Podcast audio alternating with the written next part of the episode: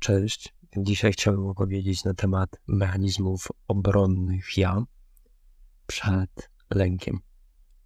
Więc najpierw zdefiniujmy sobie, co to jest ten lęk, czym on się różni na przykład od strachu. Strach jest bardziej racjonalny. Możemy się boić na przykład bać węży, lwów, pająków. I to wszystko jest uzasadnione, prawda? Te sytuacje, w których się znajdziemy, jeżeli skonfrontujemy się na przykład z wem, jest racjonalna, stanowi realne zagrożenie dla nas.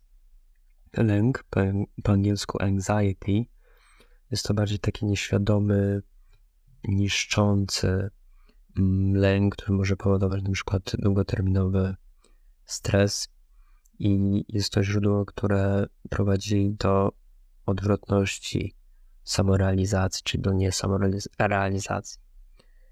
Mechanizmy obronne, które my posiadamy, które służą do obrony naszego wewnętrznego ja, ochrony nas przed lękiem, w pewien sposób zakłamują rzeczywistość, w której my się znajdujemy. I obserwacja tych mechanizmów rzeczywistości pozwoli nam e, rozwinąć swoją wrażliwość społeczną, ale my po prostu będziemy lepiej rozumieć to, co jest nieświadome, a nami kieruje. Będziemy w stanie zauważyć, które mechanizmy oszukują nas samych ze względu na to, żeby po prostu bronić e, nasze delikatne ego, czyli to, co my jakby uważamy na swój temat, tak? Jeżeli ktoś nas zapyta, jak jesteśmy, to powiem, że nie wiem, jesteśmy stabilni, spokojni i tak dalej. Albo na przykład, że jesteśmy pracowici, albo popularni i tak dalej. Te mechanizmy obronne będą właśnie bronić tego naszego ja. Czasami maskując e, rzeczywistość lub po prostu wybierając takie zachowania, które będą dla nas mniej bolesne. Pierwszym mechanizmem obronnym jest mechanizm wyparcia. Możemy wypierać dane myśli, wyobrażenia czy wspomnienia, które są bolesne lub budzą u nas lęk. Mechanizm wyparcia często istnieje w momencie, w którym następuje konflikt id i ego. Mechanizmem wyparcia może być na przykład sytuacja, w której jesteśmy matką, powiedzmy, jakiegoś chłopaka, który popełnił dawną zbrodnię, dajmy na to, zabił kogoś i poszedł do więzienia. Możemy wtedy spotkać się z mechanizmem wyparcia, w którym dana osoba nie przyjmuje jakby do wiadomości, że coś takiego zaszło, znajduje e, dużo powodów, mm, które charakteryzują tą osobę w inny sposób. Czyli na przykład on zawsze był taki delikatny i wrażliwy, on by nigdy nikogo nie skrzywdził. Próbuje właśnie wyprzeć tą myśl o tym, co tak naprawdę się zdarzyło i jaka jest rzeczywistość. Drugim mechanizmem obrony ja jest przemieszczenie. Przemieścić można uczucia, zainteresowania z jednej osoby lub rzeczy na inną, która charakteryzuje się niż ryzykiem, zagrożeniem lub jest bardziej akceptowana społecznie. Czyli na przykład mm, powiedzmy, że zakochaliśmy się w jakiejś osobie, e, z którą na przykład nie możemy być, bo powiedzmy dana dziewczyna ma na przykład chłopaka. To wtedy możemy dokonać e, przemieszczenia naszego uczucia z tej osoby na inną osobę. Jest to właśnie mechanizm e, obronny. Następnym przypadkiem może być na przykład konflikt w pracy.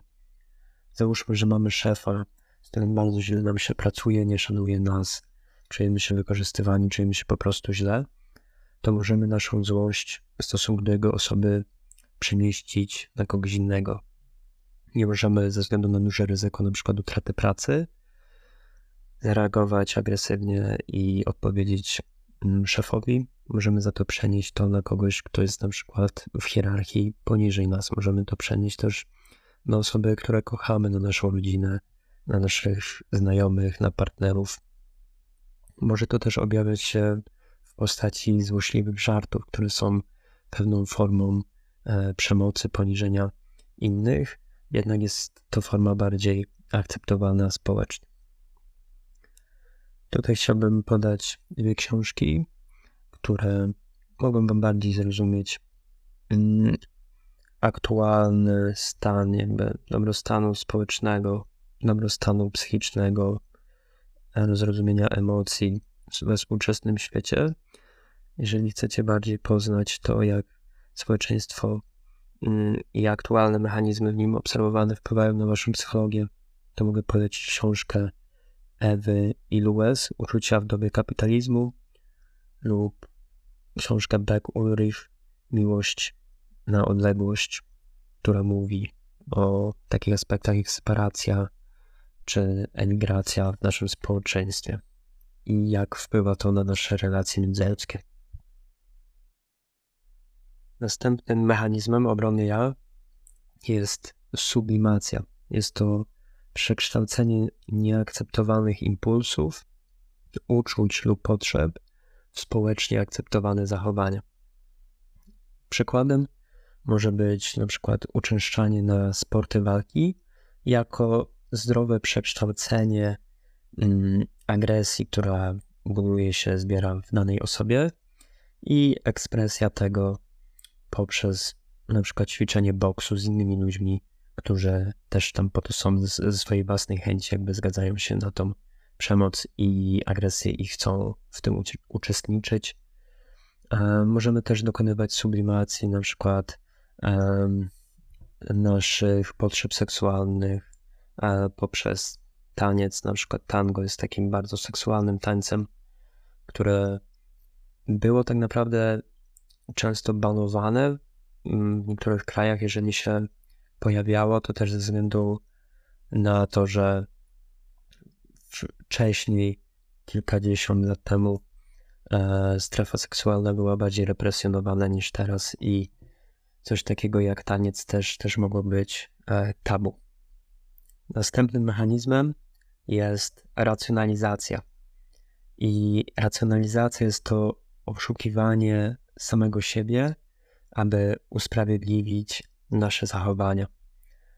Racjonalizacja występuje też mocno u osobowości narcystycznej.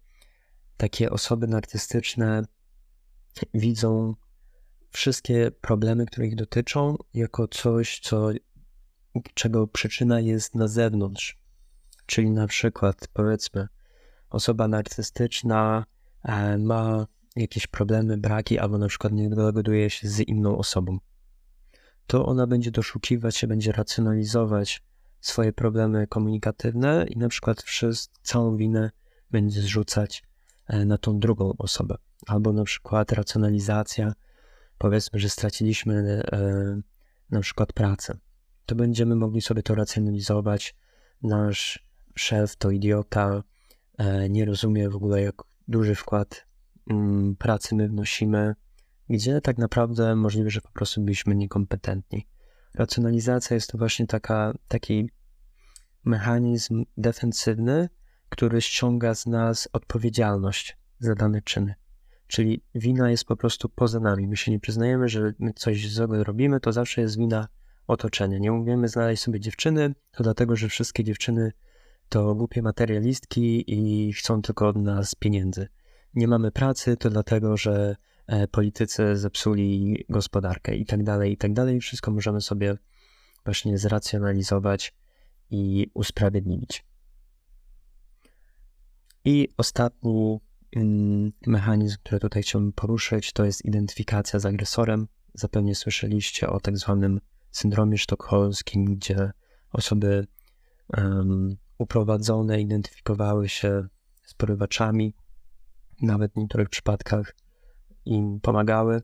To jest oczywiście bardzo, bardzo rozbudowany temat, ale na przykład um, kobiety czują się bardzo związane z mężczyznami, które, z mężczyznami, którzy na przykład je biją, E, znieważają i potrafią przez długi okres czasu być e, w toksycznych mm, związkach i też w pewien sposób na przykład racjonalizują e, jego zachowania. Tutaj też często osoby, które są toksyczne i próbują na przykład daną kobietę w pewien sposób kontrolować i ją na przykład zniewolić, czy to na przykład E, nie pozwalając jej na przykład chodzić do pracy, tak żeby była całkowicie zależna finansowo e, od swojego oprawcy, Tutaj oczywiście stereotypizuję i podałem przykład, w którym to kobieta jest ofiarą mężczyzny. Oczywiście to jest mniej prawdopodobne statystycznie, ale oczywiście też istnieją e, takie związki, w których to mm, kobiety e, wykorzystują e, mężczyzn i one jakby reprezentują te ciemne osobowości, jak na przykład narcyzm, czy socjopata, psychopata i tak dalej, to też się zgadza i też występuje, tylko no one ze względu na swoją mm, nie są w stanie aż tak bardzo kontrolować partnera, na przykład za pomocą przemocy fizycznej. Bo no, różnica jednak w sile mężczyzn i kobiet jest zauważalna. One często wykorzystują po prostu techniki e, manipulacji do tego, aby uzyskać mm, zamierzony efekt. No nie mówię o tym, że nie stosują na przykład e, przemocy słownej, przemocy psychologicznej, mogą też oczywiście stosować przemoc fizyczną. To nie jest tak, że kobieta nie może ci grozić nożem, że cię zabije, jak będziesz spać. Oczywiście też mo może mm, do takich rzeczy dojść. No i właśnie osoby, które są ofiarami takich relacji, istnieje szereg e, zaburzeń, jakby zachowań, które sprawiają, że takim osobom jest bardzo ciężko wyrwać się z takich relacji i często one też potrafią właśnie dane zachowania racjonalizować i po prostu wierzą na przykład w daną manipulację, tak? Czyli mąż wraca do domu i bije żonę ze względu na to, że e, zupa była zasłona. No to kobieta sobie to może racjonalizować. Okej, okay, no najprawdopodobniej ta zupa naprawdę była zasłona i nie zwracając w ogóle uwagi na to, jak e, ta osoba się zachowuje, może być po prostu tak bardzo przesiąknięta jakby e, tą toksycznością, i tak bardzo zatracona i kontrolowana przez tą mm, drugą osobę, że po prostu e, zachowuje się e, nieracjonalnie, samo jakby bycie już w takim e, związku z taką osobą też mm, nakłada na nas dużo, dużo różnych negatywnych mechanizmów i też takie osoby toksyczne wykazują również dużo mechanizmów, które mają nas kontrolować i utrudnić odejście e, od siebie.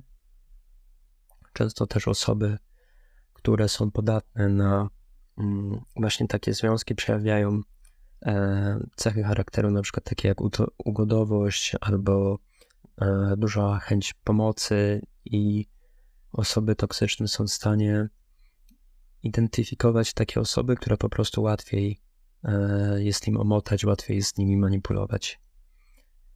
Mm, więc szczególnie ważny jest taki rozwój właśnie asertywności, pewności siebie i zwracanie uwagi na to, czy niektóre osoby w naszym życiu nie są z nami tylko ze względu na to, co my im dajemy, a same jakby od siebie nic e, w naszą relację e, nie wkładają i są jakby troszkę takimi pasożytami, nawet czasami w naszym życiu.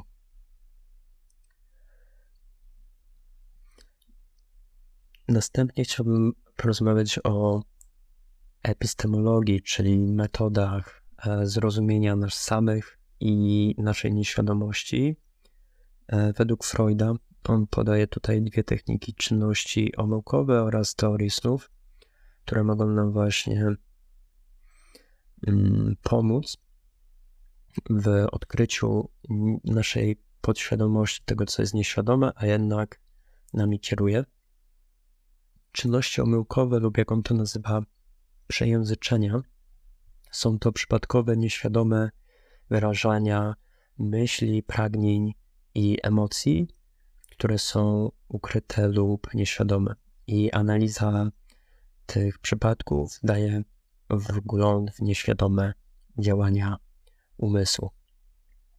Czyli na przykład taką rzeczą mogą być pewne skojarzenia, albo właśnie e, przejęzyczenia, analiza właśnie takich e, myśli, które do nas e, z podświadomości przychodzą, z kojarzeń i tak dalej. Jak pewnie zauważyliście, nie, myśli potrafią brać się z dwóch um, różnych, przynajmniej z dwóch różnych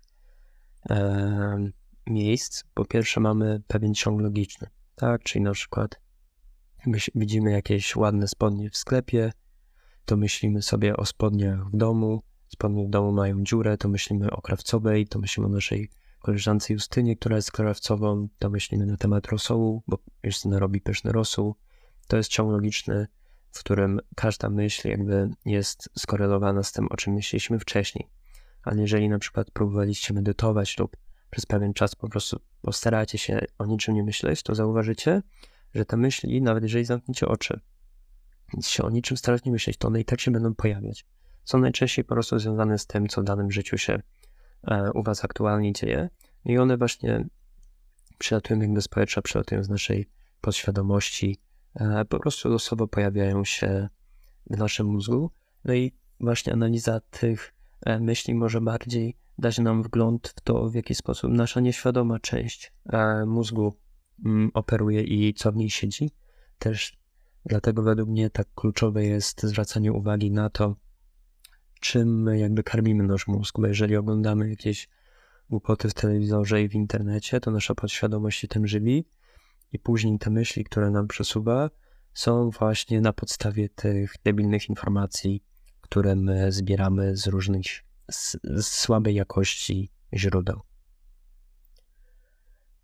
Druga metoda jest to teoria snów. To jest koncepcja, która jest bardzo niepewna. Sny często są po prostu losowym zbiorem jakichś przygód zupełnie niezwiązanych z tym, co się dzieje u nas e, w życiu, a no jednak możemy to interpretować bardzo łatwo jest te sny nadinterpretować. Bardzo często spotykam się z taką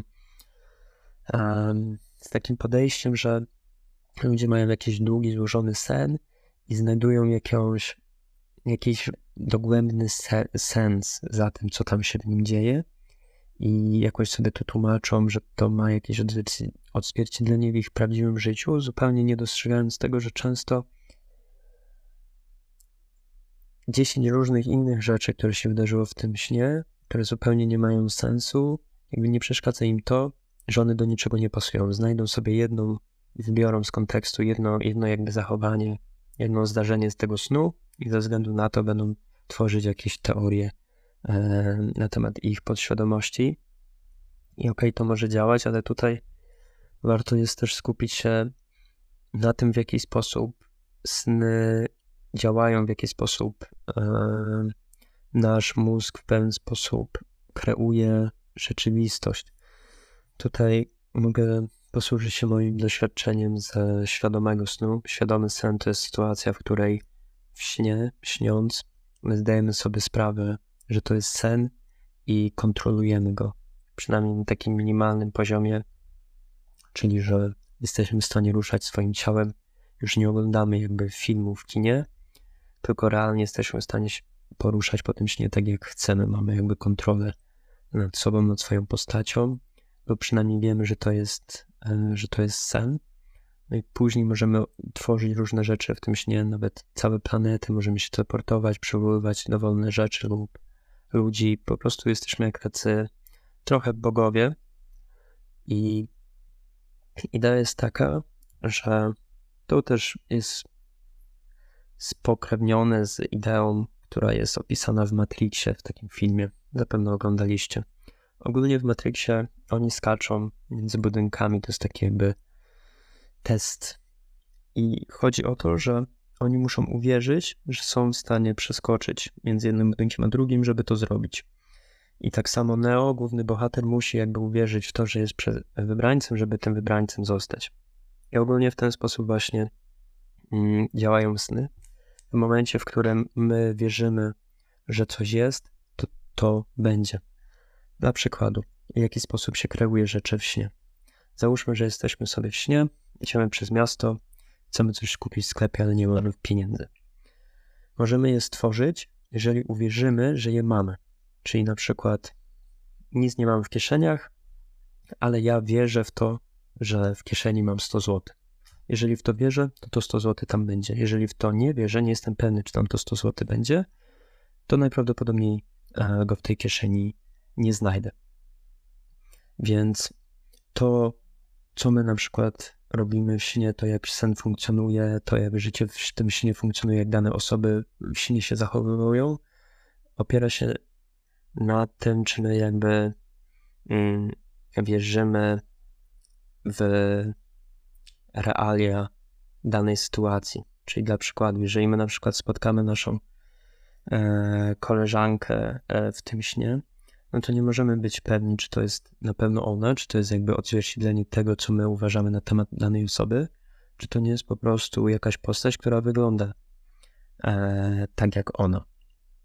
I możemy powiedzieć, że ok, jeżeli my w śnie wierzymy w to, że to jest nasza koleżanka, no to ona będzie się zachowywać tak, jak e, my uważamy, że ona się będzie mm, zachowywać. Tylko pytanie też, czy w śnie my jakby jesteśmy w pełni sobą, czy jeżeli my nie kontrolujemy tego snu w 100%, nie jesteśmy jakby, że tak powiem, przebudzeni, nie jest to świadomy sen, lucid dream, to czy my też narzucamy jakby realną, realny obraz na to, mm, co się w tym śnie e, dzieje. No ale Freud korzysta właśnie z tej teorii snów, od której się nowocześnie trochę odchodzi. On dzieli też analizę snów dzieci i dorosłych, czyli sny dzieci są bardziej realistyczne i jawne i nie ma tam ukrytej jakby warstwy. Powiedzmy, że dziecko w ciągu dnia było na wyprawie w górach z rodzicami i bardzo mu się to podobało, to możliwe, że to musi będzie śnić i tyle. A u dorosłych mogą być właśnie ukryte warstwy e, w tych snach. I tutaj właśnie problem jest z interpretacją tego, że ok, mamy tą ukrytą warstwę i są tam pewne treści, która podświadomość, które podświadomość jakby ma i projektuje e, w czasie tego snu, ale skąd my mamy wiedzieć, ile z tego jest realnie jakby prawdą, a ile to jest tylko jakiś miszmasz e, senny, który jest w ogóle niezwiązany z czymkolwiek, co realnie e, się dzieje, jest oderwany od jakiejkolwiek rzeczywistości, nie ma ze sobą, nie niesie ze sobą nic, a my tylko się po prostu czegoś tam doszukujemy, czego, tego, co chcemy po prostu z tego snu wynieść.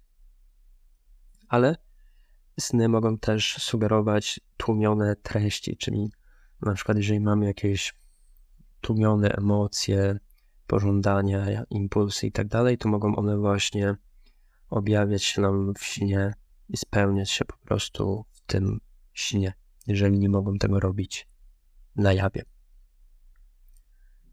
Więc jeżeli chcecie, to bardzo Was zachęcam do odpowiedzenia w komentarzach, które z tych opisanych mechanizmów obrony ja e, są Waszymi ulubionymi oraz do tego, abyście zastanawiali się, czy któreś z tych mechanizmów obronnych nie, nie kierują Wami lub osobami e, z Waszego otoczenia, żeby po prostu bardziej jakby realnie, mniej na autopilocie e, żyć. I to tyle na dzisiaj. Dziękuję bardzo za odsłuchanie tego podcastu. Życzę Ci miłego dnia i do usłyszenia w następnym odcinku. Pa, pa.